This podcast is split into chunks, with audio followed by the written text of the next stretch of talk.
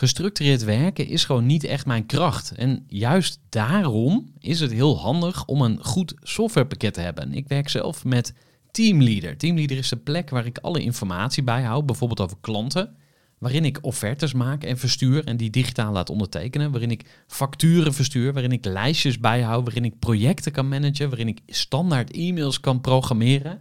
Kortom, ik gebruik Teamleader om alle werkprocessen van mijn bedrijf te stroomlijnen. En zeker ook als je met een team werkt, is het heel fijn om over dezelfde informatie te beschikken.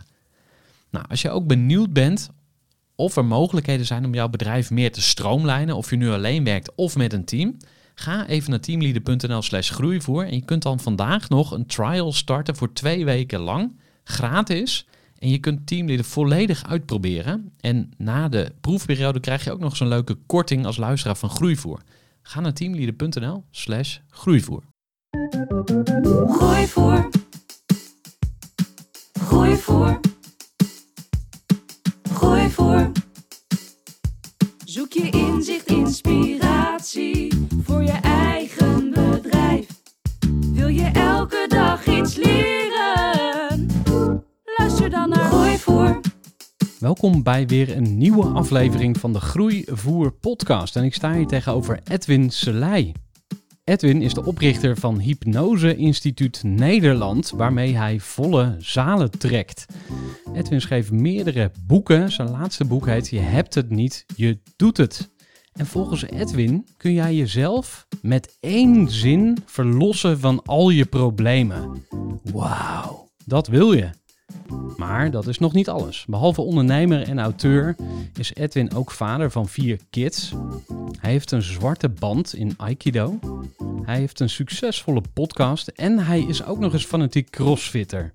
Ja, hoe prop je dat in een week? Daar gaan we het straks ook over hebben. Maar we gaan het ook hebben over Edwin en zijn jeugd. Het monstertje van drank en drugs dat altijd aan zijn mouw blijft trekken. Maar ook over afscheid nemen. Hoe pakt Edwin afscheid nemen aan? Hoe heeft hij zijn bedrijf opgebouwd? Wat is hypnose, waarmee hij bekend is geworden? En hoe vind je rust in je leven en in je bedrijf? Nou, een waardevolle podcast vol onderwerpen. Ga lekker luisteren. En Edwin, van harte welkom bij de podcast. Ja, dankjewel. Ik, ik vraag me af hoe we dit in één podcast uh, gepropt krijgen. Maar daar ga jij uh, bij helpen, denk ik. Uh, Zeker. Ja, Ja, top, top. ja. Voor de kennis en ideeën van een interessante gast. Die zijn verhaal met jou wil delen. Luister je naar Gooi voor. Ja, we beginnen met, bij het allereerste begin. En mijn vaste luisteraars die weten dit. Maar wil je ons eens voorstellen aan de kleine Edwin? Ja, de kleine Edwin eh, was altijd eigenlijk heel erg nieuwsgierig eh, naar eh, wat is er allemaal nog meer. En dan in de zin van na dit leven. Ik, was, ik ben altijd al geïnteresseerd geweest in wat is er na de dood op de een of andere manier. Daar, daar was ik heel erg mee bezig. Met, met toch achteraf dan heel veel spiritualiteit. En, ehm, en later op de middelbare school ook met dromen. Hadden we een droomclubje. En dan gingen we elkaars dromen ontleden. En dat soort dingen allemaal. Toen was ik jaar 14, 15 of zo. Ja, nieuwsgierig, rustig. En, eh, en ook wel allemans vriend eigenlijk. Ik, ik begreep eigenlijk iedereen wel. Dus dat hield ook in dat ik geen eigen mening had. In tegenstelling tot nu. Maar, eh, maar vroeger had ik geen eigen mening. Dat ik dacht van ja, wat jij zegt, ja, daar ben ik het wel mee eens. En als iemand anders wat andersom zei met wat goede ideeën erbij, dacht ik ja, dat is eigenlijk ook wel zo. Weet je wel. En ik vond ook altijd wel, dat vind ik nog steeds, dat het ook allemaal naast elkaar kan zijn. Ik denk ja, waarom zou je daar ruzie over maken als het allebei klopt? Nou ja, dat heb ik nog steeds wel, maar nu heb ik toch ergens toch wel een soort eigen mening ook wel gevormd. Ja, daar gaan we natuurlijk eh, nog, nog heel wat van horen. En eh, waar ik benieuwd naar ben is eh, ook uit wat, wat voor gezin kom je? Wat heb je bijvoorbeeld meegekregen? Ja, Was je daar ook zo meegaand in? Of, of... Ehm, arbeidersgezin. Eh, mijn vader die werkte, mijn moeder eh, was eh, huismoeder. Eh, dus die was er altijd. Eh, nog een zusje heb ik. ik. Ik zou zeggen een standaard dorpsgezin. We gingen iedere week naar de kerk en, ehm, en dat. Eh, ik ging vroeger ook eh, veel naar de kerk. Eh, ik moet zeggen, het heeft me meer dan ik soms wil gevormd. Eh, wat, wat heeft het met jou gedaan? Maar ja, dat ik geloof in God. Dus dat, eh, dat dan. Ja, nog steeds. Ja. Oké, interessant. Ehm, heb ik uiteraard een vraag over. Ga ik nog heel even parkeren. Ehm, is, er, is er iets wat er uitspringt voor jou wat je meegekregen hebt van je ouders? Van je vader of je moeder? Een les die je nog steeds gebruikt? Nou, wat ik denk ik wel belangrijk, zeker van mijn vader ook heb meegekregen, is dat ehm, eh, ik kon altijd heel goed met mijn vader praten over, eh, over dingen. Ook al begreep hij het niet. En, eh, en dat heb ik nu ook wel met mijn jongens. En dat ik, ik kan eigenlijk heel goed met ze worden. Al begrijp ik ze soms niet, weet je wel. En, maar dat is prima.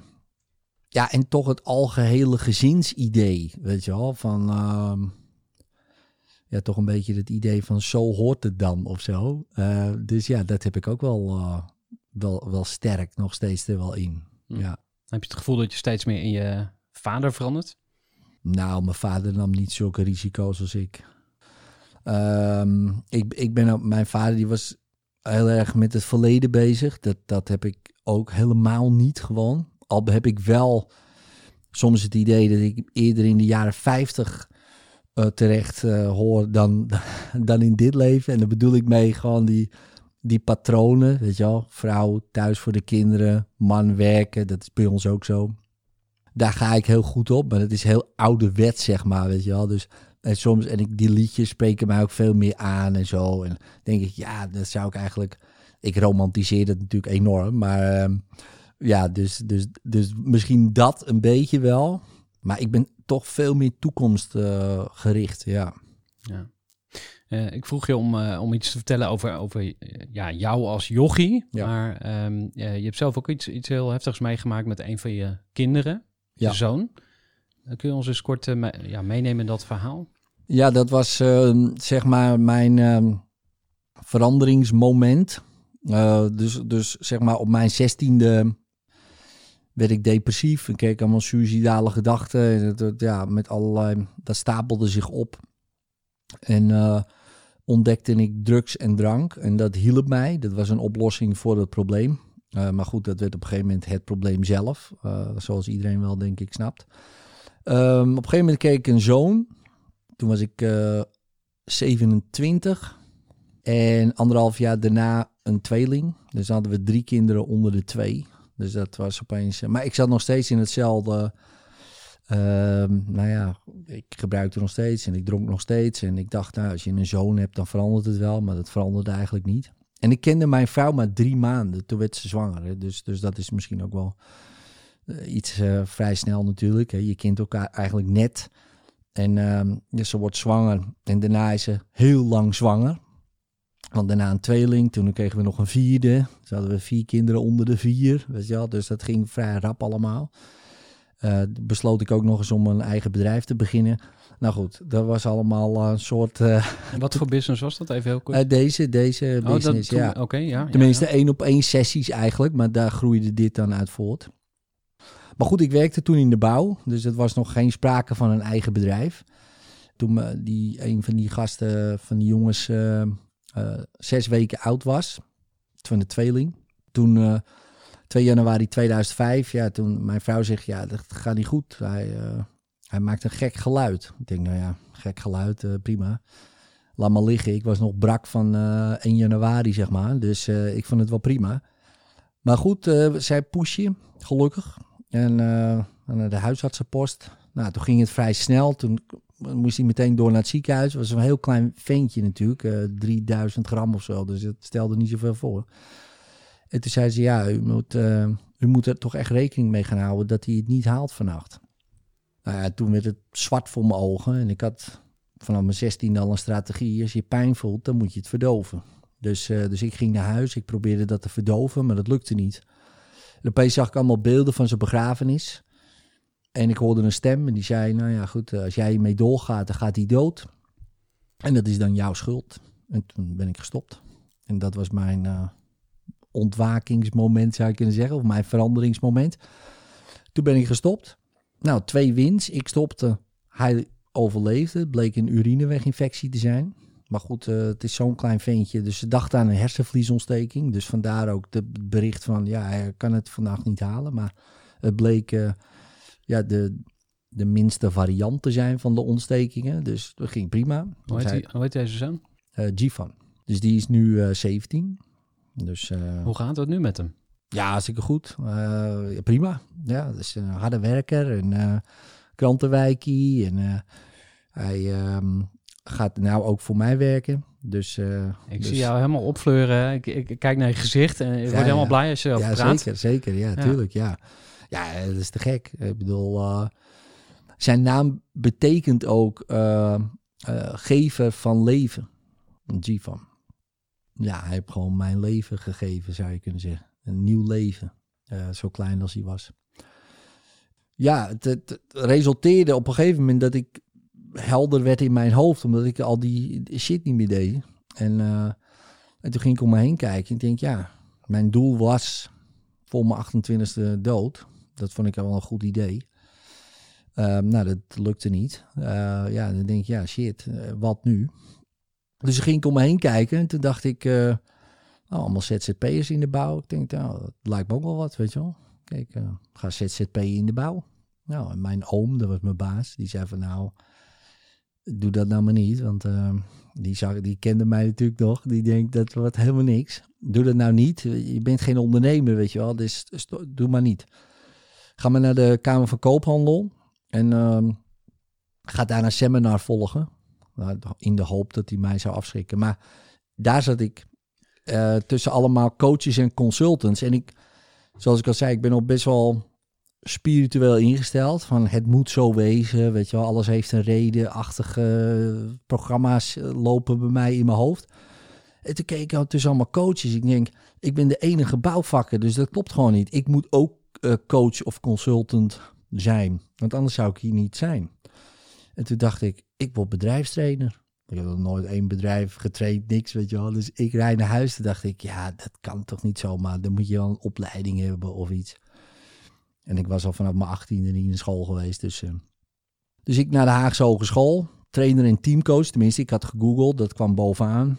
En eh, daar ben ik dan een opleiding gaan volgen. Post-HBO-opleiding was dat. En eh, kwam ik in aanraking met NLP. Tony Robbins zie ik daar ook staan. Eh, boek Unlimited Power zit ik naar te kijken. En eh, daar stond de techniek in beschreven. En toen dacht ik, wacht eens even, dit is wat ik bij mezelf heb gedaan. De compulsion blowout. Met allemaal emoties en beelden en geluiden. En hij beschreef dat eigenlijk in dat boek. En dat boek is uit 1987. En toen dacht ik, oké, toen was ik 12. Waarom heeft niemand mij die techniek geleerd? Uh, waarom nog steeds leren mensen die technieken niet? Nog steeds niet, tot op de dag van vandaag. Uh, op school dan. En toen dacht ik, nou ja, dan, dit moet iedereen weten. En toen ben ik eigenlijk begonnen. Ja, wel, welke periode was dat? Of wel, welk jaartal ongeveer? 2006 begon ik als ZZP. In 2007 begon ik met één op één sessies. Ja. Dus dat is 15 jaar terug. Ja, en, en hoe kijk je terug op de rol van je oom? Want je zei, hij heeft je eigenlijk een soort van behoed voor de bouw als het ware. Of, of uh, de verkeerde kant op gestuurd of juist niet. Hoe, hoe, kijk, je, hoe kijk je erop terug? Nou ja, die man heeft mijn leven wel zo'n beetje gered. Uh, niet door die opmerking per se, maar, maar hij uh, bood mij toen ik een jaar of 19, 20 was, zei hij, je moet bij mij komen werken. En ik was echt, toen was ik echt vrijwel in de shit. En die heeft me af en toe ook gewoon letterlijk uit bed getrokken en in een busje gedouwd en werken, weet je wel. Dus nee, die man me echt wel gered. Ja. Ja, en, en je ouders? Want dan zou je ook kunnen zeggen van, oh, waar, waar waren je ouders dan? Uh, ja, maar ik was, ik was, ik was, ik was uh, vrij uh, onhandelbaar. Dus uh, ze zijn er altijd voor me geweest. ze hebben me niet uit huis getrapt, zeg maar. Maar dat kwam ook omdat ik werk had gewoon. En ik bleef toch die dingen wel altijd doen. Maar ja, ze hadden me net zo goed natuurlijk gewoon kunnen zeggen... ga jij met mij, zoek het maar uit, weet je wel. Want er is, valt weinig meer eer meer aan te behalen. Ja. Maar nu zijn ze wel blij. Tenminste, mijn vader is overleden, maar, maar goed, die is even goed blij. Ja. ja. ja. Want hij is er nog. Ja, ja, tuurlijk, ja. ja. Kom misschien uh, straks nog terug. Ja. En, en wat, wat zegt je moeder dan bijvoorbeeld? Nou, mijn moeder vindt het uh, natuurlijk wel... Ja, ze snapt niet precies wat ik doe. Um, dus misschien een mooi moment om dat even uit te leggen dan. Want stel, je moet het aan je moeder uitleggen... zodat ze het heel simpel kan doorvertellen aan de, aan de hele buurt. Ja, wat, wat, ik, wat ik zeg, ja, ik, ik leid mensen op tot hypnotherapeut. Weet je wel, nou ja, en dan zeggen ze, oké, wat doet een hypnotherapeut? En die doet psychotherapie in hypnose. Maar ja, dan hoef je het nog het nog steeds, niet, te eh. begrijpen, snap je? Ik bedoel, maar wat is dan psychotherapie en wat is dan hypnose? Nou, dan zeg ik, ja, ja, hypnose is een staat waarin mensen meer openstaan voor suggesties. En dan geven we wat goede suggesties mee. Of we maken een beeld van wat ze zouden willen hè, voor in de toekomst. Of we veranderen hun verleden in hypnose, zodat ze daar anders op terugkijken. Nou, en daardoor voelen ze zich in het nu eh, beter. Zo leg ik het meestal uit. En dan zeg ik, oh ja, ja. Nou ja, snappen ze het nog, de helft niet natuurlijk, hoe dat precies dan werkt. Maar ja, dat is ook best wel, dat, dat zou je eigenlijk bijna moeten ervaren om te snappen. Dus eh, je kan het natuurlijk wel procesmatig uitleggen wat, iemand, wat je dan doet. Maar om het ook echt daadwerkelijk te ervaren is vaak wel dat je denkt, wow, oké, zo werkt het dus. Ehm, maar goed, eh, ja, je kan het uitleggen. Ja, zeker. Kun, kun je het ergens mee vergelijken? Nou ja, je kan het, de staat kan je vergelijken met meditatie. Eh, de staat kan je ook vergelijken met een sporter die heel erg gefocust is. En een beetje die combinatie eh, is dan hypnose. Ja, dus het is een soort gefocuste aandacht eh, terwijl je ontspannen bent. Dus je bent heel ontspannen, maar je, maar je, maar je mind is super gefocust. Dus eh, in plaats van, hè, je hebt ook wel hyperfocus met veel spanning. Maar eh, je ziet ook bij, bij, bij sporters eh, de- ook die hyperfocus, maar, maar wel met ontspanning. Want ja, als je heel gespannen bent, dan eh, is het heel lastig voetballen natuurlijk. Of vechten, of welke sport je dan ook doet. Maar je hebt wel die hyperfocus nodig. Om, om natuurlijk in het moment te zijn. Ja. Dus dat is. dat, daarom sporters kunnen heel makkelijk in hypnose over het algemeen. Want ehm, die, zijn, die snappen die staat al. Die, die, die, alleen ze hebben dat nooit zo gelinkt aan hypnose. En pas als ze het ervaren, denken ze: Oh ja, dit herken ik wel, ja. Het is wel iets anders, omdat je dan in een stoel zit. En natuurlijk, hè, je staat niet in een ring of op een tennisveld of wat dan ook. Maar ze herkennen de staat wel, ja. Ja. Nou, je was even aan het, aan het terugkijken, aan het reflecteren op je leven. En denk je dat je ooit eh, bepaalde shit uit het verleden kunt oplossen? Ja, tuurlijk, ja. En, en hoe werkt dat dan? Nou ja, kijk, eh, vanuit, de, vanuit de, de stelling eh, alles is perceptie. Ehm, ja, kan je, en, en, hè, dus stel je voor dat is zo, hè, dat, dat alles gewoon perceptie is. Ja, vanuit die vooronderstelling werk, werken wij, zeg ik even, als hypnotherapeut. En dan kan je in hypnose bijvoorbeeld teruggaan naar het moment waar je toen hebt besloten van oké, ik ga hier zo over denken voor de rest van mijn leven bij spreken. Nou, dan maak je daar een andere beslissing. Dus eh, bijvoorbeeld mijn vader en moeder gaan naar elkaar. In mijn geval niet hoor, maar ik zie papa weglopen. Ja, zie je wel, hij houdt niet van me, anders was hij wel gebleven. Nou, dat kan een beslissing zijn, een overtuiging, waar je later heel veel last van hebt. Terwijl het helemaal niet per se waar is. Misschien wel, misschien niet. Maar in hypnose gaan we dat dan zo omvormen, dat je te horen krijgt wat je wilde horen. En ook dat is eigenlijk niet waar. Want dat heb je natuurlijk nooit echt gehoord op dat moment. Maar ja, het voelt beter. Ja. En dan merk je ook opeens dat de wereld toch even anders in elkaar zit dan je misschien denkt, ja. Hmm. Misschien is het leuk om even eh, een rondje te lopen om jouw bedrijf. En even te, te beschrijven wat je ziet. Dus je hebt het Hypnose Instituut. Eh, ja, wat, wat is het en, en wat staat er nu en, en waar ben je tevreden over? Ja, wat staat er nu? We geven trainingen. Dus we leiden mensen op tot hypnotherapeut. Eh, daar ben ik heel tevreden over, over de kwaliteit van de trainingen. Eh, ik ben eh, ook heel tevreden over het resultaat wat mensen behalen in die training.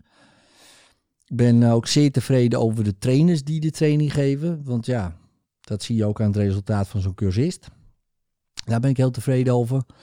Ik ben eh, heel tevreden over eh, eh, de klantenservice, hoe dat gaat. Nu hebben we wel wat dingetjes met ziekte en, en iemand is op verlof. En dus nu begint het wel een beetje te wringen in de zin van, oeh, er moeten misschien wel wat mensen bij. Dus daar zou je kunnen zeggen, daar ben ik dan niet tevreden over. Maar ja, dat vind ik dan weer te- zwaar woord. Dan denk ik, ja, dat is gewoon een uitdaging en daar moeten gewoon wat mensen bij. Want hoe, hoe ziet dat team eruit nu? Hoeveel mensen werken er bij jou?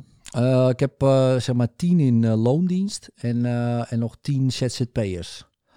En die ZZP'ers moet je zien, de langste die er al bij zit, die zit er al acht jaar bij. Want eerst dacht ik van ja, weet je, ze kunnen zo weg natuurlijk. In principe, ze kunnen weg, ze kunnen hun eigen ding doen. Ik bedoel, ik heb ook geen contract, je mag dit niet doen of wat dan ook. het is allemaal op basis van vertrouwen. Maar goed, zij zitten in een groeiend bedrijf. En uh, we zijn zeker die, die er nu al acht jaar bij is. Ja, die hebben het meegemaakt dat hij, hij was een van de eerste die erbij kwam. Nou, sowieso als eerste trainer die erbij kwam. Ja, en hoe het nu is, we zijn 10, 20 keer gegroeid, zeg maar. Ja, het is ook leuk om bij iets te zijn wat natuurlijk, we willen de wereld veroveren.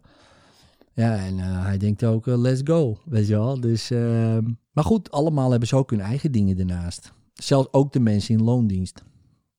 Eigen praktijk. En dat vind ik ook belangrijk.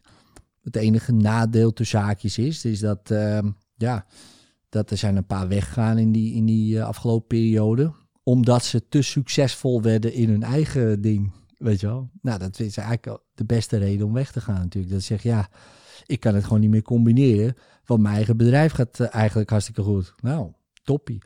Dus dat is eigenlijk het enige nadeel van mijn businessmodel.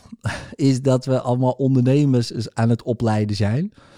Uh, die, uh, ja, die succesvol worden. Maar ja, dat is natuurlijk geen nadeel natuurlijk. Hè, maar uh, bij wijze van spreken. Het liefst hou je die mensen erbij. Maar ja. Dus ja, zo loop ik om mijn bedrijf heen. Dus ik ben eigenlijk heel tevreden. Maar ja, ik, ik ben heel erg van de groei. En dat kan er wel eens een beetje botsen met het team, weet je wel. Vertel eens. Uh, nou, kijk, ik wil gewoon uh, verdubbelen, weet je wel. Of in ieder geval minimaal 50% groeien ieder jaar. Nou, in het begin... Uh, en, maar dat begint nu wel steeds... Het wordt steeds systematischer. Er wordt steeds meer gekeken van... Hoe presteer je? Steeds meer naar de cijfers. Steeds, dus het wordt steeds wat klinischer in de zin van hoe het was een paar jaar terug, normaal. Uh, en dat begint soms wel eens te schuren bij sommige mensen. En anderen zie je dan juist weer, hè, hè, weer eens een keer tijd, weet je wel. Dus dat is grappig, die dynamiek. En hoe ziet schuren eruit bij jullie? Um, nou, dat ziet eruit van, uh, ja, moet het nou? Of, uh, of dan krijg je excuses, weet je wel. Van ja, nee, ja, maar we deden het toch altijd zo, weet je wel. Waarom moet dat dan? Nou, dan krijg je dat soort gesprekken. Uh, in de zin van, ja, maar laat maar zien wat je doet dan. En dan, en dan krijgen ze soms ook het gevoel van, vertrouw je er niet, dan niet op, weet je wel, dat ik gewoon mijn werk niet doe. Zeg, Wat zeg je dan? Dan zeg ik, natuurlijk vertrouw ik het. Ik, natuurlijk vertrouw ik je, maar dan kan je toch ook gewoon wat laten zien. Weet je wel zo. en dan wordt het altijd, oké, ja. Dus die dynamiek begint wel te veranderen. En uh, ja, je ziet dat, uh, dat, dat mensen eraan moeten wennen. En, en ja, en ook, uh, ik denk dat we ook wel mensen daardoor gaan kwijtraken, ja. Hm. Ja. Maar ja, dat is prima. Ja. Even een korte onderbreking met een belangrijke vraag aan jou. Want wat heb jij geregeld voor het geval je van de ene op de andere dag zou komen uit te vallen? Wat gebeurt er dan met je bedrijf, maar vooral wat gebeurt er met jou persoonlijk en ook in financieel opzicht? Samen met ASR voerde ik drie openhartige gesprekken over tegenslag en veerkracht. En dat deed ik met Saskia, Vincent en Pieter. Ondernemers met een bloeiend bedrijf die van de ene op de andere dag niet meer konden werken. En die verhalen hoor je in aflevering 256, 257 en 258 van deze podcast. Als ondernemer wil je natuurlijk niet uitvallen. En daarom is het belangrijk dat je veerkrachtig bent, want voorkomen is beter dan genezen. En als het dan toch misgaat, is het fijn dat je iets geregeld hebt, zodat je weer snel door kunt met ondernemen. Wil je weten hoe veerkrachtig jij nu bent? Vul dan in twee minuten de veerkrachttest van ASR in. Ga naar asr.nl slash veerkrachttest ondernemers.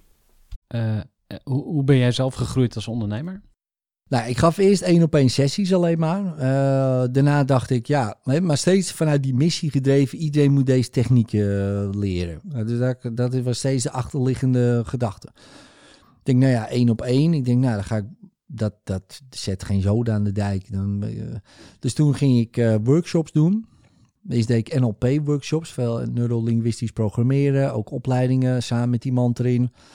En toen dacht opeens, tenminste, zei die maat van mij, die met mij training gaf, zeg ja, ik wil hypnose gaan leren. Ik denk, oh cool, weet je wel, maar ik ging geen opleidingen volgen, hij wel. Maar hij wilde ook gaan oefenen en ik had een ruimte om te oefenen. En toen gingen een paar vrienden van mij, die toen de tijd, die gingen allemaal hypnoseopleidingen doen. En eh, die kwamen bij mij oefenen, op mij oefenen en ik ook weer oefenen. En na een jaartje dacht ik, oké, nou laten we een workshop geven. En eh, een workshop geven. Je hebt nog nooit een opleiding gedaan, maar ik zeg, ik weet zeker meer over hypnose dan 99% in Nederland. Dus ik ga gewoon een workshop geven. Samen met jou. En wees ik eh, Martijn eh, Groenendal aan. Die eh, want ik gaf ik al met hem opleidingen. Dus wij met z'n twee. En meteen in plaats van acht mensen. Wat de NLP-workshopje. Was opeens 40. Uh, vanuit dezelfde e-maillijst die ik had. Dacht ik, oké, dit is dus uh, blijkbaar uh, wat mensen graag zouden willen. En wat er niet is. En toen ben ik gewoon in dat gat gesprongen. Maar daarna kwamen ze naar die workshop. Hey, is er nog een vervolg of wat nou? Ik zou, uh, nee, maar uh, dat komt er wel aan. En toen dacht ik, er is helemaal niks, joh. Nou, toen begon het met een vijfdaagse opleiding. Nou, dat was veel te kort. Ja, dat is nu uitgebreid na twee jaar. En zo is dat verder gegaan. Ik gaf nog steeds één op één sessies en opleidingen. Ja, en op een gegeven moment stond ik 120 dagen opleiding te geven per jaar. Ieder weekend. En uh, zowat vier dagen uh, in de week. En dan nog drie dagen sessies. En toen opeens uh, dacht ik, uh, volgens mij gaat het niet helemaal lekker met mij qua energie. Toen stopte ik met die één op één sessies. Nou, toen ging het wat beter. Maar ja, toen werden die groepen steeds groter, nog meer opleidingen. Ik denk, shit man, in mijn eentje red ik het niet. En ik denk, als ik nu ziek word, dan heb ik echt een probleem. En toen kwam er dus een trainer bij. Nou, twee trainers. Het was eerst heel moeilijk om dat ik echt een jaar tegen aangehikt. Dat vond ik echt heel moeilijk om dat allemaal af te staan. Nou, toen kwamen zij erbij. Wat, wat precies afstaan? Nou ja, mijn soort mijn kind, weet je wel. Zo voelde het. Dat, dat je gewoon, uh, ik deed dat dus uh, vijf jaar zeg maar alleen. Uh, iedere week, weet je wel. Echt duizenden uren dat gedaan. En dan zeggen, nou, jij hebt het nog nooit gedaan. Of tenminste, je hebt nu met mij meegelopen. Ga jij dat maar doen. En ik dacht, ja, mensen willen mij, weet je wel, zo, dat soort dingen allemaal. Nou, dat viel wel mee. Hè? Dus uh, natuurlijk wilden ze me wel, maar wauw, zo onmisbaar was ik ook weer niet. Ja, dit Achteraf. is wel ja, een cruciaal uh, uh, onderwerp misschien voor heel veel ondernemers. Ja.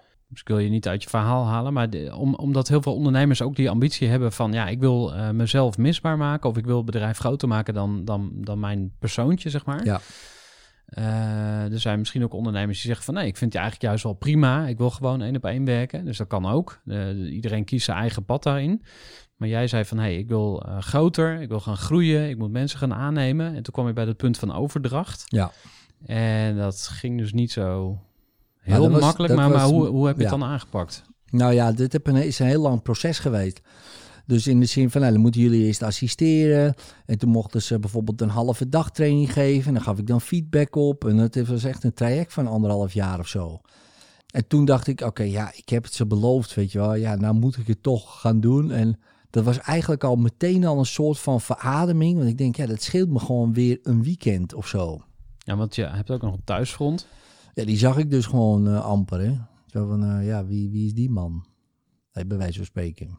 Uh, dus ik bracht ze wel naar school, uh, s ochtends. Maar verder was ik er gewoon zeven dagen in de week was ik aan het werk. En nu dan? Nou, nou ben ik nog steeds denk ik wel zeven dagen in de week aan het werken. Maar, uh, maar op een andere manier. Ja, dus niet... Hoe, maar, hoe is dat nu anders? Um, nou, wat anders is, is dat ik in principe gewoon mijn eigen tijd veel meer indeel. En uh, dus, dus ik, ik heb plan eerst mijn, zeg maar, mijn vrije tijd dan mijn sport en dan mijn werk. In plaats van andersom. Dus uh, ik heb eerst werk. Oh ja, ik moet ook nog sporten. Dat is bij mij niet zo. Dus ik heb sport, vrije tijd. Is er nog wat ruimte over? Oké, daarin ga ik werken. Dus ik ga niet het. Uh, en soms wisselt dat wel. Als ik een project heb, bijvoorbeeld een boek. Ja, dan moet ik daar wel meer tijd voor inruimen. Dus dat doe ik dan ook. Maar ik, ben, ik doe weinig uh, concessies. Uh, dus met afspraken heb ik bijna niet. Uh, meetings uh, heb ik bijna niet. Dus of minder, steeds, steeds minder, steeds minder, steeds minder. Omdat ik merk van ja, ik ben het meest, laten we zeggen, productief als ik tijd heb. En het minst productief als ik eh, geen tijd heb. En geen tijd in de zin van dat ik dus in de uitvoerende kant zit. In de zin van training geven, eh, sessies doen of wat dan ook. Dus mijn hele creativiteit gaat in die training en in die sessies. En die is op. Want dan heb ik de rest van de tijd heb ik niks. Dus als ik dat niet doe, dan komt die creativiteit en dat gaat dan in content. Ja, bijvoorbeeld uh, nieuwe producten of podcasts of uh, nou ja, blogjes of, of wa waar dan ook. Maar dan, ja, dat heeft het bedrijf meer aan dan dat ik op die uitvoerende kant zit. Ja, eerst was ik gewoon alleen maar de uitvoerder. En dat scheelt enorm. En, maar dat duurde even voordat ik dat helemaal kon loslaten. En ik zit nog steeds in het proces, hè, dus het is niet dat het proces nog afgelopen is. Want ik denk ook bij groei, dat, dat blijft zo. Want je gaat steeds in een iets andere rol kom je. En dan moet je toch weer dingen loslaten. Zoals nu met meetings. Ja, dat ik gewoon soms meetings ook vaak er niet ben. En dat door iemand anders laat doen. Ja, dat was in het begin ook gek. Ik denk, ja, ze moeten me toch even zien. Maar ja, dat klinkt een beetje als ego. Tenminste, ik, ik herinner me een situatie uit mijn eigen uh, ondernemerservaring waarin ik had mezelf eigenlijk misbaar gemaakt. Dus ik, ik had mezelf vrijgespeeld uh, uit mijn bedrijf. het bedrijf is nog steeds van mij. Het heet Eager, Eager People. En ik weet nog dat ik tijdens de lunch een keer binnenliep. En er zat het hele team daar aan tafel te lunchen. Maar er was niemand die opkeek. Er was niemand die zei van, hé hey Gerard. En toen dacht ik echt van shit, ze hebben me niet meer nodig. What the fuck? Het voelde echt zo dubbel. Dat je echt dacht, ja, missie geslaagd. En toch, ja, maar ik had een beetje ego-pijn, zoals ik dat allemaal ja, noem. Ja, precies. Want jullie hebben mij niet meer nodig. Ja. Dus dan is de vraag aan jou van... Uh, ja, dat is het toch altijd, denk ik wel. Oké, okay, leg eens uit. Ja, um, kijk, als je er wat bij voelt of je het moeilijk vindt... Ja, dan, dan heeft dat een soort van met je ego te maken ja, met, of een soort afscheid, weet je wel. Van, uh, kijk, in principe uh, ja, kan je dat altijd wel onder de noemer ego scharen, denk ik. Maar het is wel, uh, het, is, het, is, ook wel, het is ook wennen. Van, oh, wacht even, het hoeft dus niet. Dus voor mij, het gaat wel steeds makkelijker. Dus in het begin denk ik, oh, dat is ook apart, even. Maar daarna denk ik, oh, dat is ook wel weer lekker. Want het scheelt weer een uurtje daar en een uurtje zo en inderdaad. En dat, uh, ik moet eerlijk toegeven, ik ga er steeds beter op. Dus uh, in het begin vond ik het heel moeilijk. Hè, wat ik al zei, 2014 heb ik er anderhalf jaar over gedaan. En nu gaat het veel sneller. Um, het delegeren, overdragen, inwerken ja, bedoel je? Of? Ja, dat. En zelfs het inwerken, dat doe ik ook niet. Dus, uh, dus dat is ook allemaal gedelegeerd. Dat doen anderen. Dus dat ga ik niet, ik ga niet iemand inwerken. Nee. Ja. Dus, nee, maar daar ben ik ook helemaal niet goed in. Hè? Dus je moet op een gegeven moment kom je er ook steeds meer achter. Oké, weet je, het is ook prima om te erkennen dat je in sommige dingen echt heel slecht bent gewoon. En in het begin vond ik dat moeilijk. Hè? Over ego gesproken. Ik denk, ja, maar je moet toch ook wel goed in zijn. Maar nu denk ik steeds maar achter, nee. Um, je kan het ook beter gewoon niet doen. Want, want ik merk nu ook, hoe groter je wordt uh, als bedrijf, hoe meer dingen consequenties hebben. dus als ik nu iets post in een groepje, dan heeft dat meer consequenties als vijf of zes jaar terug. een voorbeeldje van, hey, uh, zei ik van, uh, ja, ik zoek nog mensen of wat dan ook. gooi ik in een Facebookgroep. En mijn team, je zoekt mensen. Nou, dan kreeg eerst dat. Toen de andere kant, ik reageerde niet snel genoeg. Oh, zie je wel, communicatie. Ik denk, gast, waarom, waarom gooi je dat erin? Ga dat eerst... Je hebt een manager, overleg eerst daarmee. Maar in mijn hoofd zit dan nog... Oké, nu iemand nodig, ik ben er helemaal klaar mee, go. Nou, dat kan dus niet meer. En uh, daar, moet ik som, daar moet ik nog wel even, even soms op de rem uh, trappen. Maar goed, het gaat steeds beter. Zeker als je een, zo, een, een backlash krijgt van allerlei andere dingen. denk je, oké, oké. Uh, en dan merk je wel van, ja, dingen hebben iets meer consequentie dan, uh, ja, dan, dan tien jaar terug. Dan kon ik helemaal doen wat ik wilde. Uh, en dat is wel grappig, want in principe kan ik nu veel meer doen wat ik wil. Alleen ik moet niet zoveel meer zeggen. Dat is misschien het verschil. ik kan doen wat ik wil. Uh, maar niet zomaar iets posten. Uh, niet zomaar iets roepen van, uh, oh, daar ben ik dit niet mee eens of wat dan ook. Gewoon je mond houden, Ja, maar je kan ook, ja, maar je kan ook scheid hebben. Zeggen, yo, ik ben de baas, klaar. Eh, Ja, ik nee, doe dat- dat. En Ja, dat klopt, dat klopt. Ik denk dat het soms misschien goed is om te doen. Maar echt heel soms. Ja, dus- Als je echt zegt, oké, maar wacht eens even. Jij bent het hier mee eens. Dat mag. Dat is helemaal prima. Maar we gaan het wel zo doen. Dat, is, dat is ook leiderschap, toch? Ja, zeker. Ja, want ik vind dat gewoon. En eh, ik weet gewoon dat het goed gaat. En eh, ik had laatst bijvoorbeeld zoiets. Hè, twee, twee, drie, die gingen helemaal over de zeik, over het plan wat ik had. Dat had ik niet verwacht, want eh, dat was daarvoor nog nooit gebeurd. Want ik kan mensen best wel inspireren en meenemen in mijn verhaal. Nou, bij 80% viel het hartstikke goed. En 20% zou je kunnen zeggen, ja, die gingen helemaal, ja, door het lint of zo. Ik denk, wat is dit, joh? Nou ja, en eh, eentje daarvan is dus ook eh, weggegaan daardoor. En eh, ja, ik, zeg, ik zeg, de vraag is niet van, dit gaan we niet doen. Of de vraag is nu, oké, wat zou er moeten gebeuren dat het wel lukt, weet je? Ik zeg, dat is de enige vraag waar jij je mee bezig hoeft te houden. En verder hoef je eigenlijk nergens mee bezig te houden, want dit is, gaat gewoon gebeuren. Hm. Oké, nou, en dus nu is iedereen weer op de rit. En eentje, ja, die, eh, nou oké, prima. Dat was ook weer een van de, eigenlijk de eerste keer dat zoiets gebeurde. Ook weer. Dat is nog niet zo heel lang geleden. Toen dacht ik, oh ja. Ja, maar wacht eens even, jullie vinden dat. Prima, maar we gaan het gewoon doen. Dan, dan gebeurt het. En Ja, dus dan ben ik wel echt wel tak. Weet je, tot hier en niet verder. Wacht even. Kijk, ik, iedereen zijn mening vind ik belangrijk, zeker. En ik luister ook niet iedereen. En, soms, en, want de, bij de meeste waarnaar ik luister, dat vult toch de blinde vlekken bij mij in. Dat vind ik super belangrijk, want ik in mijn eentje, ja, ik, ik vind het een goed plan.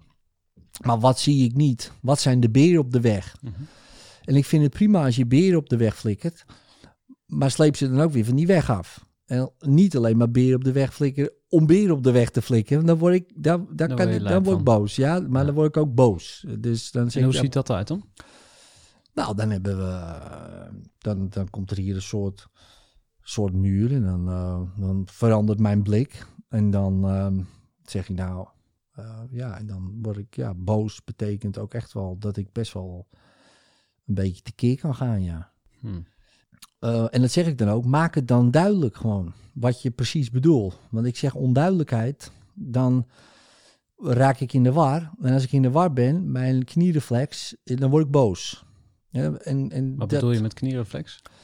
Nou, als ik in verwarring kom, dat heb ik ook wel geleerd in een... ehm we deden eens een keer zo'n soort leiderschapsachtige training, een special forces-achtig. Dan moest je zo'n bunker en dan moest iemand leiding nemen en dat soort dingen. Dan zit je in een team en dan... eh daar werd niet goed leiding gegeven. Gewoon, de, de opdrachten waren niet duidelijk, weet je zo. Ik werd helemaal gek. Toen heb ik het gewoon overgenomen. Ik zeg, nou, dan doe ik het wel, weet je wel. Dan werd ik helemaal... Dus er zijn twee dingen. Eén, wees duidelijk, dan doe ik precies wat je zegt. En twee, als het niet duidelijk is, doe ik het zelf. Wat natuurlijk ook niet handig is. Want daarmee loop je anderen voor hun voeten of wat dan ook. Nou goed, omdat ik dat weet, kan ik dat wel zeggen van oké, maak het duidelijk. En als het dan nog steeds niet duidelijk wordt, en iemand zegt ja, maar ik voel dat gewoon zo of ik vind dat zo. Ja, dat is allemaal prima dat jij dat vindt. Maar geef dan ook echt goede redenen waarom het zo is. En ik zal de eerste zijn die zegt oké, dit is een goede reden. Ik, we gaan er nog een keer over nadenken of dat dan een goed idee is om te doen. Maar als jij niet met goede redenen komt, dan denk ik, ja, dan gaan we het gewoon doen. Wat loop je nou te, te zeiken dan, weet je wat? Ja, dan word ik wel eh fel. Maar goed, dat botst dan en de dag daarna dan eh, gaan we weer eh, even zitten, rustig praten en dan eh, wordt de lucht vanzelf wel weer blauw. Ja. Dus ik, ik herken heel veel, eh, want ik spreek veel eh, ondernemers en vaak zijn het ook een beetje die visionaire types. En daar reken ik mezelf ook toe. Dus ik zie het al helemaal voor me, hoe het kan zijn. Ja. En dan heb je andere mensen die doen zeg maar de motorkap open van die auto en die laten zien wat er allemaal onder zit. En er zitten gewoon duizenden onderdelen Ja, ja precies. eh, om het allemaal te laten werken. Ja. En, en jij zei aan het begin van het gesprek ook iets over risico nemen. Ja. Dat, dat je eigenlijk mega veel risico neemt. En Nou, mega veel, dat valt, ik, ik, ik wel ingecalculeerd risico, maar ik neem wel risico. En wat, wat is dan het risico, of wat is het grootste risico dat jij neemt? Kijk, zo'n seminar bijvoorbeeld nu 11 juni, eh, wat we dan gaan doen.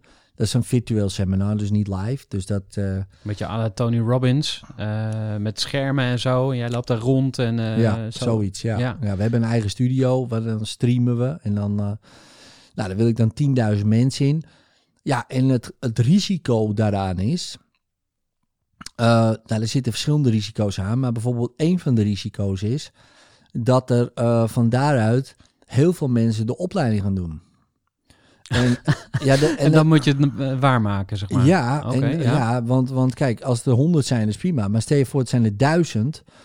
Oké, eh, hoeveel assistentie hebben we? Hoeveel hosting hebben we? Hoeveel dit? Hoeveel zus? Of zo?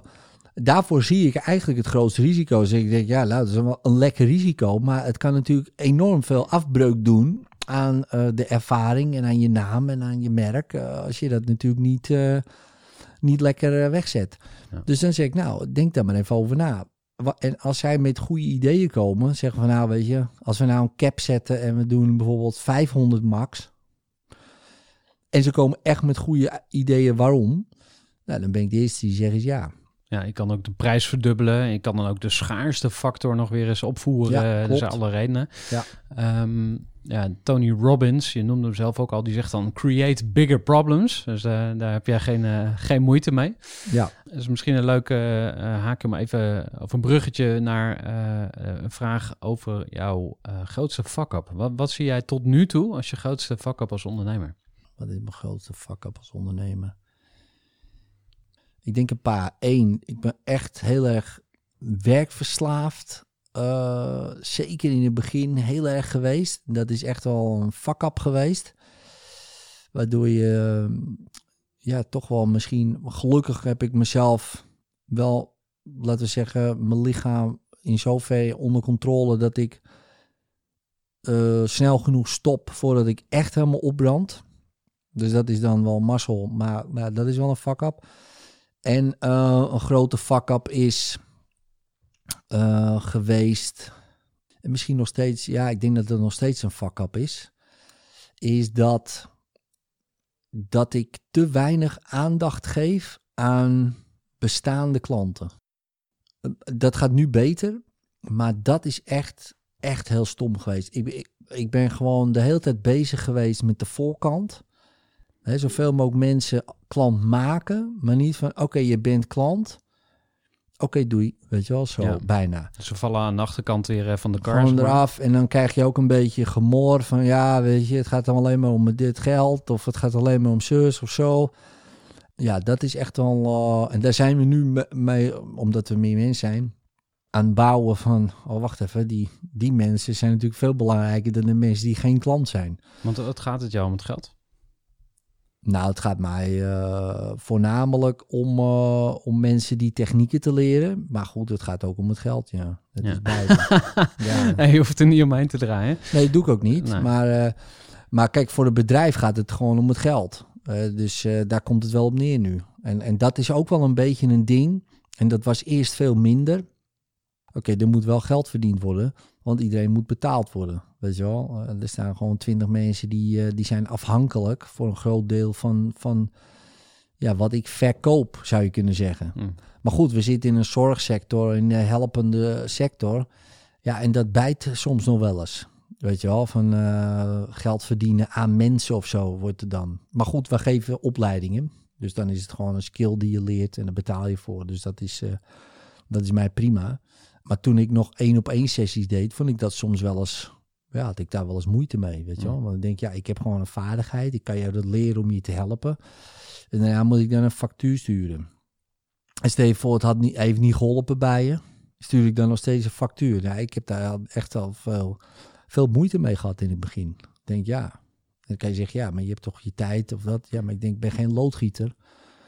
Eh, weet je wel, ik ben echt met mensen bezig. En ehm, ja, ik heb dat altijd wel eh, moeilijk gevonden. En, en ik denk ook, dat is wel een van de redenen waarom ik toen eh, ook met workshops en opleidingen ben gestart. Omdat ik dacht van, ja, weet je, dat, is, eh, dat vind ik makkelijker. Ehm, we hebben het al over heel wat ondernemerslessen van je gehad. Eh, ik wil extra aandacht besteden aan afscheid nemen. Want ehm, eigenlijk in het begin van je verhaal ging het over ook afscheid nemen van vrienden. Je hebt afscheid genomen van verslavingen. Je neemt af en toe eh, afscheid van teamleden. Eh, misschien zelfs wel ook van klanten. Maar dat doe je dan eigenlijk eh, per ongeluk, omdat je er te weinig aandacht aan geeft. Ehm, eh, hoe neem je afscheid van slechte ideeën? Want ik zag dat jij ook een andere business hebt. En eh, de URL is eh, logischgevolg.nu, als ik het goed zeg. Ja.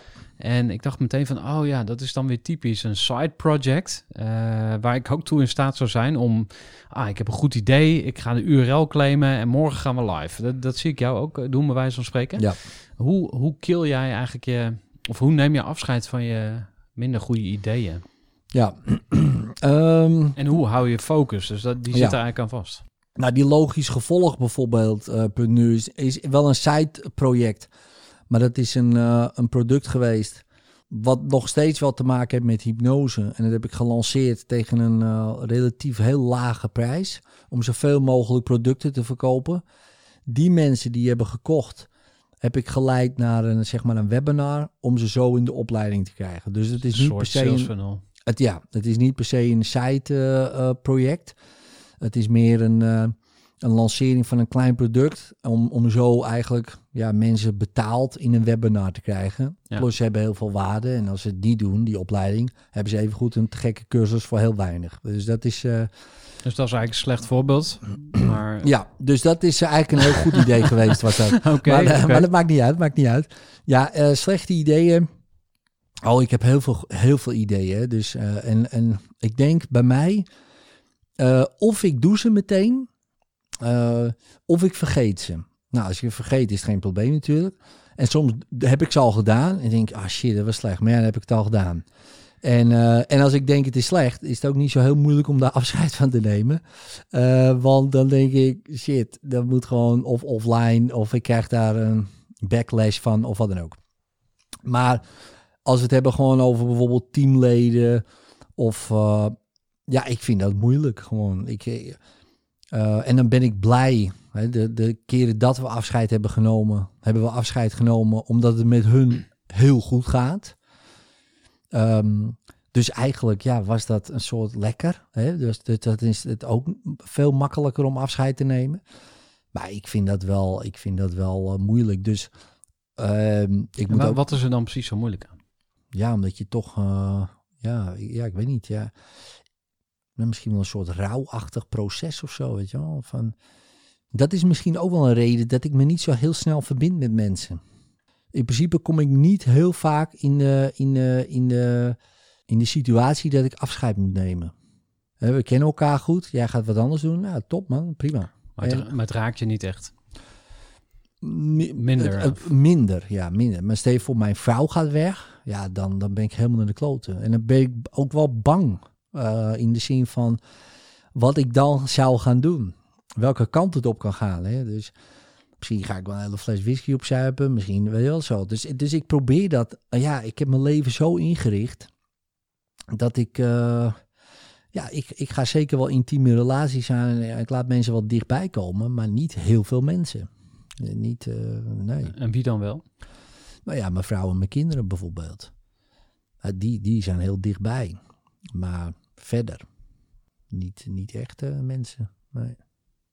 En uh, hoe investeer jij in relaties? Want ik vroeg naar afscheid nemen. En uh, nou ja, dat focus vind ik dus aanbrengen. Ook, maar, dat vind ik dus ook moeilijk. Weet je wel, dat, precies dat. Want dat is natuurlijk de andere kant. Ja, uh, ik heb heel veel, laten zeggen, mensen verloren. Hè, tussen haakjes dan. Uh, omdat ik gewoon uh, niet attent ben. Of ik kom dan niet op je verjaardag. En dan kwamen zij wel. Zeg ja, wij komen altijd hier. Jij komt nooit bij ons. En dan denk ik, ja, uh, heb ik helemaal gezien in dat soort mensen. En dan, dan verwaterde dat. Dus ja, dan... Je isoleert jezelf? Ja, zo? zeker ja. ja. Ik ben gewoon uh, een kluizenaar eigenlijk dan. Terwijl ik wel heel erg zichtbaar ben, weet je wel, op social media en dat soort dingen. Overal ben ik zichtbaar, maar in principe, nou ben ik gewoon, zit, je, zit ik in een iglootje thuis en uh, lekker met z'n allen in huis, weet je wel. We gaan nu naar het laatste grote onderwerp. En ik zeg groot met, met nadruk, want het gaat over rust vinden in je leven. Oh. En in je business. Ja. En ehm, ik wil dat graag doen aan de hand van een boek. Wat jij gelezen hebt, maar waar ik niet doorheen kwam. En het boek heet Een cursus in wonderen. Oh ja.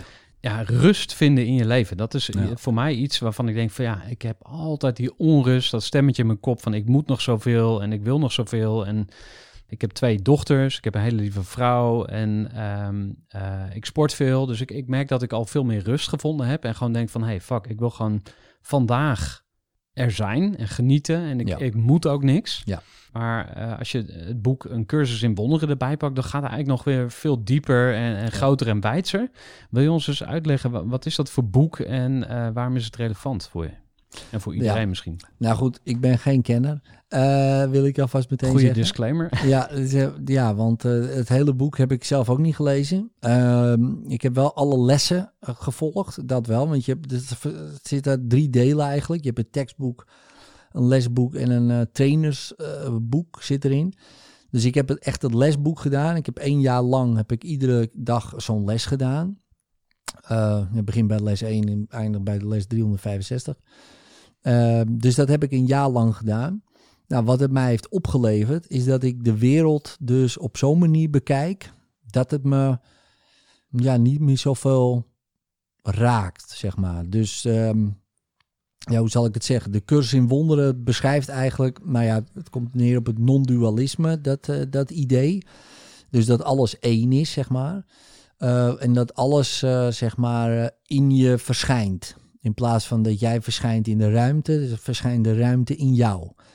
Ehm, dus, eh, dus nou ja, je zou het ook kunnen zien als bijvoorbeeld het, eh, noemen ze het, eh, multi-world theory. Dus jij hebt je eigen wereld, ik heb mijn eigen wereld, wat ook in principe zo is natuurlijk. Maar in, dat, in die theorie kan ik doodgaan in jouw wereld en jij in mijn wereld. Maar ik ga niet dood in mijn wereld. Dus ik blijf altijd bestaan. Alleen voor jou zou het zijn, kunnen zijn in jouw wereld, ja, dat ik kom te overlijden. Maar in mijn wereld ben ik er nog steeds. Ja. Bijvoorbeeld, hè, dat is On- dat oneindig aantal eh, oneindig mogelijke mogelijkheden. Mhm. Ja. Nou, en, en zeg maar daar in die, in die cursus gaat het er dan. Hè, dus als je zeg maar dat non-dualisme een beetje eh, ja, samenvat van nou, je hebt, je hebt, zoals ik het zie dan, hè, twee stappen. Eén, je neemt waar. Je bent de waarnemer van je gedachten, je gevoelens, je persoonlijkheid. Dus er is iets dat, jou, dat het waarneemt. En dan de volgende stap, als je dat zegt van oké, maar waar verschijnt die waarnemer dan in? En dan opeens dan ja, kan je beseffen, ervaren, of ja, het is, is eigenlijk geen woorden eh, te omschrijven, dat alles inderdaad in, in jou verschijnt, ook jezelf, zeg maar. Nou, en als je dat eh, steeds meer kan ook daarin kan verankeren, ja, dan is eigenlijk alles prima. Eh, dus alles is perfect. Alles is volgens het plan. Dus als iemand zegt, ja, die oorlog moet stoppen, dan denk ik, ja, maar die oorlog is, is, is, is prima. Maar prima is een gek woord, hè. Die oorlog is gewoon de oorlog. En mensen nemen daar een rol in om... Kijk, als jouw rol eh, soldaat is in een oorlog, dan moet je die rol spelen. Ik heb daar verder geen mening over. Behalve dat ik die rol niet ga spelen. Dat mag jij dan doen. Ik heb geen zin om een soldaat eh, te spelen. Weet je wel? En, en je gaat steeds meer dat zien. Maar dat is voor, voor een, iemand die er helemaal niet in zit. Dus natuurlijk echt bijna gewoon... Oké, je bent rijp voor een inrichting, weet je wel. Hoe kan je dit nou vergoeilijken? Maar dat is het ook niet. Je vergoeilijkt het niet. Eigenlijk zou je kunnen zeggen... Gods plan, hè, om het even zo te zeggen, Gods schepping is perfect. Niks meer aan doen.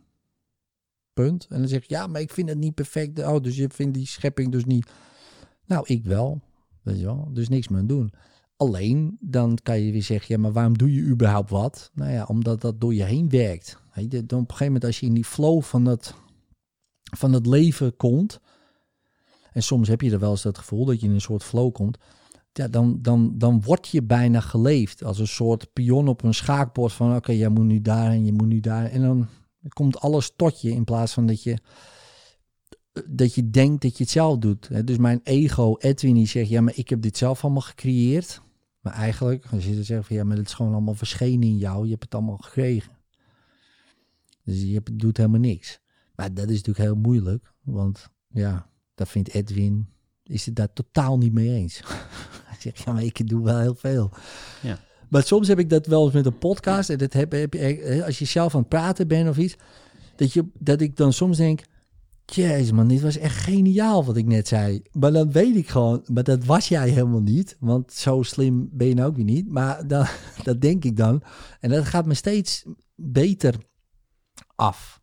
En mijn doel is Wat, wat gaat je steeds beter af? in die flow eh, komen. Gewoon door, ja, in de cursus zeggen ze dan, hè, de Heilige Geest door je heen laten gaan. Hè? Dus de, de Heilige Geest, die, die leeft je. En, en, en jij, jij volgt gewoon.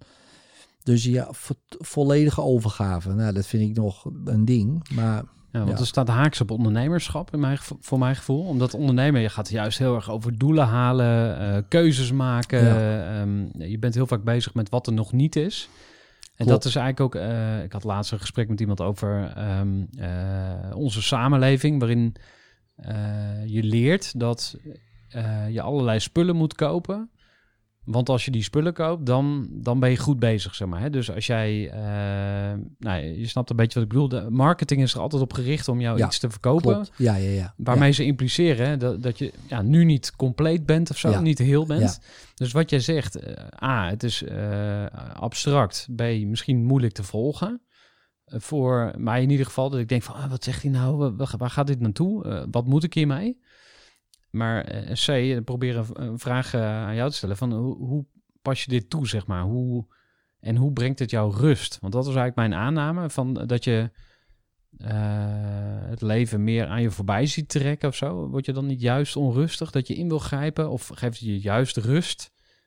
Wat, Ja. wat doet het voor jou? Nou ja, voor mij persoonlijk, kijk, als je dus beseft dat je, dat je in principe helemaal niks hoeft te doen, want het wordt allemaal geregeld, ja, dat vind ik lekker. En dat geeft mij rust. Dus, dus ehm, natuurlijk eh, volg ik, speel ik nog steeds mijn rol, zeg maar, als Edwin. Dus Edwin heeft een rol en Edwin heeft allemaal ideeën en dit en dat. En, en ik ben zeker wel ook soms eh, natuurlijk onrustig. En ik ben het eh, doelen halen en stellen en pl- grote plannen en dat soort dingen. Wat is dat jouw rol, zeg maar? Is dat, het- heeft God het plan met jou van, ja, Edwin moet gewoon die seminar geven voor 10.000 mensen? Of is dat van, Ja, ik denk, ik denk het wel, want anders, zou, anders gebeurt het niet. Dus ja, dat zal dan. en wat vind je van die rol? Eh, ja, prima. Maar het heeft wel een reden waarom ik dit doe. En, en die reden weet ik nog niet. Dus, dus in de zin van, laat ik het zo zeggen. Op, op een gegeven moment was ik eh, bijvoorbeeld heel veel eh, verhalen aan het vertellen voor groepen en dat soort dingen allemaal. En op een gegeven moment, eh, omdat ik dat zo vaak had gedaan, ja, kon ik daar weer uit een boek schrijven. Dus dan kan je zeggen, ja, dat was de reden dat je dat de hele tijd deed. Al die kennis verzamelen voor het boek bijvoorbeeld. Oké, maar wat was dan de reden voor het boek? Dat weet ik dus allemaal niet. En dat, is, dat vind ik ook niet belangrijk. Dus eerst waar, was ik heel erg aan het streven en, en strijden. En dat ben ik nog steeds wel een beetje. Streven zeker, strijden niet meer. En dat geeft rust. Dus, dus, dus ik ga zeker twee keer per dag in een soort van meditatieve toestand. Waarin ik me nou ja, veranker in de waarnemer en in datgene waarin alles verschijnt. Nou, en dat geeft me heel veel rust. En daarna ga ik weer gewoon mijn rol spelen die ik speel. Ja, dus, en daar kan ook onrust bij zitten. En dan kan ook zo, godverdomme, dat moet, eh, dat moet gebeuren, zo, weet je wel, zo. Maar steeds minder, gek genoeg. Omdat ik ook steeds dat, ja, dat gevoel, eh, dat zit daar toch. Weet je, die verankering is daar. Van, eh, weet je wel, het komt allemaal wel goed. Idee en... ehm, want het is al goed, zoiets. Nou, dat helpt mij. Hm. Kijk, ik moet altijd denken aan de boekdrukkunst. Maar dat is natuurlijk heel lang geleden. Maar dat kwam eh, op vijf verschillende plekken op de wereld. Bijna tegelijkertijd werd dat ontwikkeld. Ja, dus heel veel mensen krijgen ideeën. Maar ja, stel je voor, wij geven jou dat idee van Netflix bij wijze van spreken. En we geven dat aan iemand, de luiste man van de wereld bij wijze van spreken. Dan was er nooit Netflix geweest. Dus, dus dat idee, dat komt gewoon in de tijd, geen idee. Dat is niet alleen bij die ene persoon gekomen. Maar dat komt wel bij heel veel verschillende mensen. In, nou, en eentje die gaat daar volle bak op dat idee. En die bouwt Netflix. Maar ik weet zeker Dat er zeker vijf, zes andere mensen shit man, ik had precies datzelfde idee. Echt precies. Ja, oké, logisch. Hè, dus ook, dat, daarom zeg ik, dat idee is ook niet van mij. Ik ben degene die het toevallig uitvoert. Weet je wel, op een manier die misschien werkt of niet werkt, dat weet ik niet. Maar, hè, dus ik voer het uit, maar ik weet zeker, er zijn nog vijf mensen geweest met hetzelfde idee. En, en wat verklaart dan dat het jou gelukt is? Ja, geen idee. Dat, dat weet ik dus niet. Dat weet ik dus niet. Misschien omdat, het, omdat ik dat, eh, weet ik, ja, geen, nou, nou, zeg het maar, dat weet ik dus niet. Mysterie des levens. Ja, ik denk, kijk, het is heel makkelijk om te zeggen, ja, dat komt omdat ik eh, zo slim ben en eh, ik had de juiste strategie en dit en dat. En eh, nou, dat zal misschien wel, hè, voor een deel. Maar het is ook natuurlijk gewoon geluk. Weet je wel, het is ook gewoon op de juiste tijd op de juiste plek zijn. En dan ga je alweer, dus dan moet je daar wel zijn. Ze zeggen wel eens, eh 90% of succes is showing up. Zoiets, of 80%, wat ik. Ja, en dat is het ook. Weet je wel. Als je eenmaal in die sportschool bent, ga je wel sporten. Maar heel veel mensen willen naar een sportschool. Maar als jij in een sportschool komt, er zijn heel de meeste mensen die het willen, die zijn er niet. er zijn wel- een paar die het willen. En dan van die paar, kijk je om je heen, er zijn er twee die heel hard trainen. En de rest doet ook wat. Nou ja, en ik denk precies die twee, die wel alle gewoon, nou ja, gewoon alles geven wat, wat dat idee nodig heeft. Ja, die wordt ook meer geholpen gewoon. Zo, zo simpel is het. Die krijgt ook meer. Geholpen door. Maar ja, noem het wat, weet je wel. Ik zeg God, maar eh, ja, dat is net als dat verhaal met die mensen van die, van die, eh, van die talenten. Hè? Dus eh, van die drie, een koning die geeft ze allemaal talenten. Hij zegt nou, als ik weer terugkom wil ik die talenten weer terug. Nou, prima, dus die koning eh, die gaat weg. Maar die mensen die gaan er met die talenten aan in de weer. Dus eentje die begraaft hem, die denkt ja ik heb maar één talent, maar als hij weer terug is wil hij hem weer terug, oké. Nou, die andere, die, eh, die met drie talenten, die, eh, die gaat naar een stad en die gaat allemaal huizen in de vastgoed, hè, zou je kunnen zeggen. En die is bijna alles kwijt, maar die verdubbelt ze. De andere gaat in de paarden, hele slechte zet, maar toch, gelukkig verdubbelt hij ze ook. Dus hij neemt risico. Koning komt terug, zegt, nou, wat heb jij gedaan met die talenten? Ja, ik heb ze, hoe, ik was bijna alles kwijt. Serieus was je ze kwijt? Ja, maar ik heb ze verdubbeld. Ik heb er zes. Hier heeft u drie terug. Hij zegt, nou, hou maar, hou maar. Nou, bij die andere ook, hè. Ik heb er vier. Hier heeft u ze twee weer terug die u mij gegeven hebt. Nee, hou maar, hou maar. En die andere, die had hem begraven. Ik heb er één. Wat heb jij daarmee gedaan? Ja, niks. Ik had hem begraven. Mag ik hem ook houden? Nee, van jou pak ik hem af. Want hij die meer heeft, zal meer krijgen. En hij die niks heeft, zelfs dat zal hem afgenomen worden. Uh, volgens mij Marcus of Matthäus. En dat geloof ik ja. Dus als jij je talent die je gegeven, die, die heb je gewoon. Weet je wel, ja, die heb je gekregen, weet ik veel. Sommigen kunnen piano spelen op hun derde. Ik zou niet weten hoe dat kan. Weet je wel, die, die kunnen dat gewoon. Oké, go. Dan is dat jouw talent. Dan moet jij, jij hebt die rol te vervullen. Nou, en ik krijg steeds meer. Steeds meer, omdat ik ook steeds meer doe. En steeds meer mijn talenten deel, zeg maar. Ja, krijg ik meer geld, krijg ik meer uh, mensen, krijg ik meer... Ja, dat vind ik een logisch gevolg, zou je kunnen zeggen. Want stel voor, ik stop er nu mee. Ja, dan wordt alles afgenomen op een gegeven moment. Ja. We gaan alweer naar de laatste vraag. En voor sommige mensen kan die heftig zijn, uh, voor sommigen ook niet. Maar uh, stel dat je op je eigen begrafenis bent. Ja. En je mag één, misschien twee mensen les, lessen. Nee, oh. je mag, uh, je mag, ja, twee dat, mensen dat, dat, is ook een goede. Maar uh, welke, welke lessen zou je uh, door willen geven aan je kids? Op een begrafenis. Ja. Oké. Okay, uh, nou ja, wat ik een hele belangrijke vind, wat mij helpt, is de dood is niet het einde. Dus dat is wel lekker om uh, in ieder geval te geloven. Dat je denkt, nou ja, dat. Uh, en twee, uh, je kan alles zijn wie je wil zijn. Je kan iedereen zijn die je wil zijn. Uh, natuurlijk zitten daar wel grenzen aan wat je, wat je zeg maar kan. Hè? Dus ik kan ook een voetballer zijn, maar ja, prima. Maar je kom, ik kom nooit in, in Barcelona, bij wijze van spreken. Maar kan wel een voetballer zijn. Nou, dan voetbal ik in het bierteam en uh, weet je wel, zo. dus ik geloof dat je iedereen kan zijn wie, wie je wil zijn. En laat je niet beperken door eh, mensen die vinden eh, dat dat niet kan. Want ja, dan moet ik altijd denken aan Roger Bannister. Dat zei ze, ja, je kan niet eh, de mijl lopen onder vier minuten. Ja, totdat iemand het doet. Oh ja. En opeens doen meer mensen dat daarna. Maar goed, tussen doen en, eh, en zijn vind ik altijd wel een verschil. Maar je kan iedereen zijn wie je wilt zijn. En doe het. En leef je rol met verven, weet je wel. En, eh, en het is ook een zoektocht. En, eh, en soms moet je gewoon wisselen. Zeg nou, deze, dit pak trek ik uit. En dat pak trek ik weer aan. En misschien is dat in een ander leven. En misschien in dit leven. Dat kan ook. En ja, dus dat. Nou, ik zou zeggen, tot een volgend leven in de volgende podcast. Aan Ja, wie gener, generzijde. Dank, Ja, dank ja. voor je tijd, eh, Edwin. Ja, is goed. Thanks. Ja, tot zover deze aflevering van de Groeivoer podcast. Ik hoop dat je er weer veel inspiratie uit gehaald hebt. En ik wil je heel erg bedanken voor het luisteren.